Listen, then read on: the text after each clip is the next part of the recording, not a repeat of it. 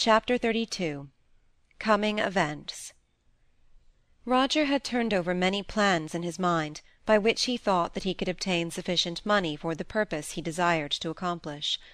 His careful grandfather, who had been a merchant in the city, had so tied up the few thousands he had left to his daughter, that although, in the case of her death before her husband's, the latter might enjoy the life-interest thereof, yet in the case of both their deaths their second son did not succeed to the property until he was five and twenty, and if he died before that age, the money that would then have been his went to one of his cousins on the maternal side.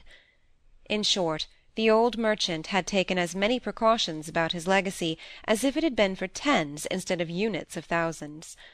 Of course Roger might have slipped through all these meshes by insuring his life until the specified age and probably, if he had consulted any lawyer, this course would have been suggested to him. But he disliked taking any one into his confidence on the subject of his father's want of ready money.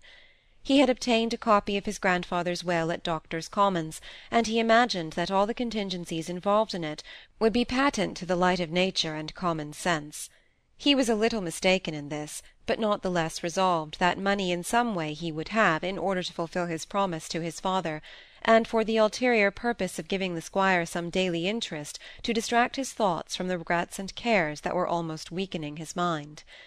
It was Roger Hamley, senior wrangler and fellow of Trinity to the highest bidder, no matter what honest employment; and presently it came down to any bidder at all.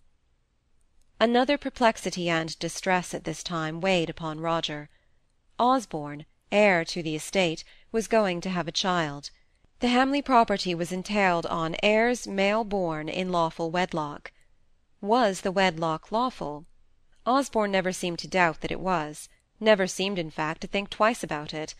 And if he, the husband, did not, how much less did Aimée, the trustful wife? Yet who could tell how much misery any shadows of illegality might cast into the future? One evening Roger, sitting by the languid, careless, dilettante Osborne, began to question him as to the details of the marriage. Osborne knew instinctively at what Roger was aiming. It was not that he did not desire perfect legality and justice to his wife, it was that he was so indisposed at the time that he hated to be bothered. It was something like the refrain of Gray's Scandinavian prophetess, Leave me, leave me to repose. But do try and tell me how you managed it. How tiresome you are, Roger! put in Osborne. Well, I dare say I am. Go on. I've told you. Morrison married us. You remember old Morrison at Trinity?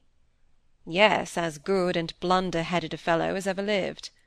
Well, he's taken orders, and the examination for priest's orders fatigued him so much that he got his father to give him a hundred or two for a tour on the continent. He meant to get to Rome, because he heard that there were such pleasant winters there, so he turned up at Metz in August. I don't see why. No more did he. He never was great in geography, you know, and somehow he thought that Metz, pronounced French fashion, must be on the road to Rome. Some one had told him so in fun.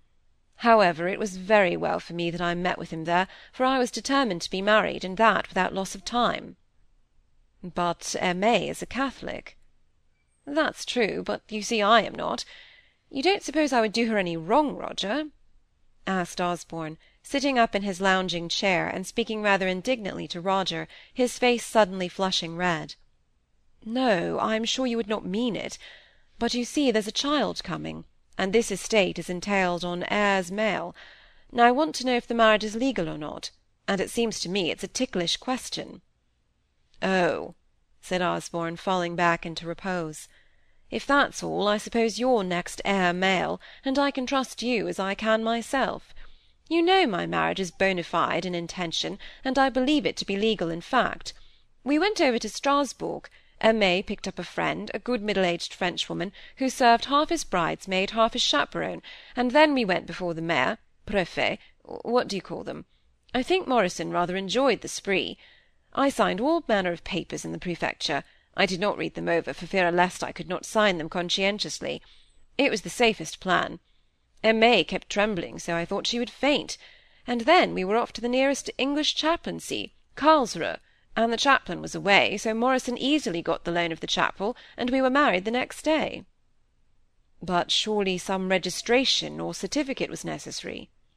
Morrison said he would undertake all those forms, and he ought to know his own business. I know I tipped him pretty well for the job.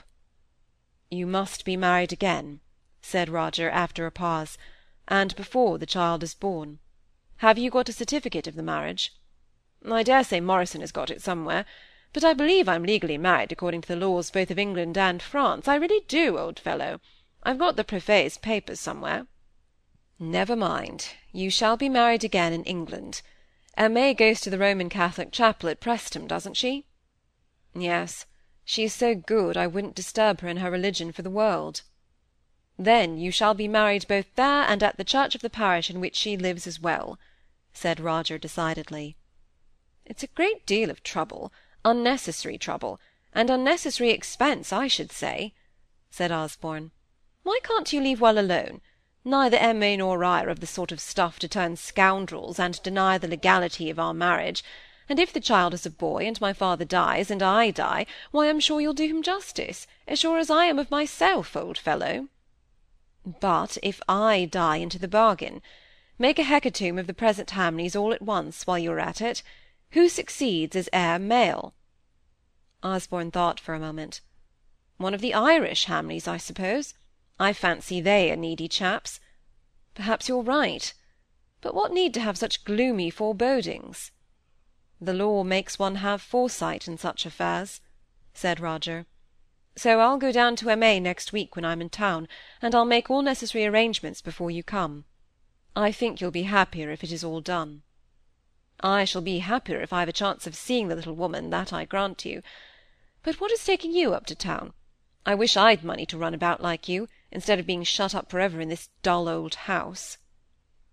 Osborne was apt occasionally to contrast his position with Roger's in a tone of complaint, forgetting that both were the results of character, and also that out of his income Roger gave up so large a portion for the maintenance of his brother's wife. But if this ungenerous thought of Osborne's had been set clearly before his conscience, he would have smote his breast and cried mea culpa with the best of them. It was only that he was too indolent to keep an unassisted conscience. "I shouldn't have thought of going up," said Roger, reddening as if he had been accused of spending another's money instead of his own, "if I hadn't had to go up on business. Lord Hollingford has written for me. He knows my great wish for employment, and has heard of something which he considers suitable. There's his letter, if you care to read it. But it does not tell anything definitely." Osborne read the letter and returned it to Roger. After a moment or two of silence, he said, "Why do you want money? Are we taking too much from you? It's a great shame of me, but what can I do? Only suggest a career for me, and I'll follow it to-morrow." He spoke as if Roger had been reproaching him. "My dear fellow, don't get those notions into your head. I must do something for myself sometimes, and I've been on the look-out. Besides, I want my father to go on with his drainage. It would do good both to his health and his spirits. If I can advance any part of the money requisite, he and you shall pay me interest until you can return the capital." "Roger, you're the Providence of the family!" exclaimed Osborne, suddenly struck by admiration at his brother's conduct, and forgetting to contrast it with his own. So Roger went up to London, and Osborne followed him, and for two or three weeks the Gibsons saw nothing of the brothers. But as wave succeeds to wave, so interest succeeds to interest. The family, as they were called, came down for their autumn sojourn at the Towers, and again the house was full of visitors, and the Towers servants and carriages and liveries were seen in the two streets of Hollingford, just as they might have been seen for scores of autumns past. So runs the round of life from day to day.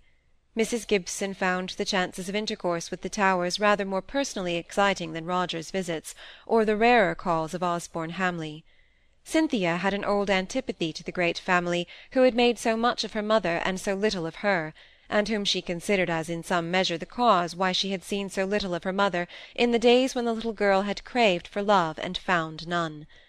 Moreover, Cynthia missed her slave, although she did not care for Roger one thousandth part of what he did for her, yet she had found it not unpleasant to have a man whom she thoroughly respected, and whom men in general respected, the subject of her eye the glad ministrant to each scarce-spoken wish, a person in whose sight all her words were pearls or diamonds, all her actions heavenly graciousness, and in whose thoughts she reigned supreme. She had no modest unconsciousness about her, and yet she was not vain. She knew of all this worship, and when from circumstances she no longer received it, she missed it. The Earl and Countess, Lord Hollingford and Lady Harriet, lords and ladies in general, liveries, dresses, bags of game, and rumours of riding parties, were as nothing to her compared to Roger's absence. And yet she did not love him. No, she did not love him. Molly knew that Cynthia did not love him. Molly grew angry with her many and many a time as the conviction of this fact was forced upon her. Molly did not know her own feelings. Roger had no overwhelming interest in what they might be, while his very life-breath seemed to depend on what Cynthia felt and thought. Therefore Molly had keen insight into her sister's heart, and she knew that Cynthia did not love Roger. Molly could have cried with passionate regret at the thought of the unvalued treasure lying at Cynthia's feet, and it would have been merely an unselfish regret. It was the old fervid tenderness. Do not wish for the moon, O my darling, for I cannot give it thee. Cynthia's love was the moon Roger yearned for, and Molly saw that it was far away and out of reach, else she would have strained her heart cords to give it to Roger. I am his sister, she would say to herself. That old bond is not done away with, though he is too much absorbed by Cynthia to speak about it just now. His mother called me Fanny. It was almost like an adoption. I must wait and watch, and see if I can do anything for my brother.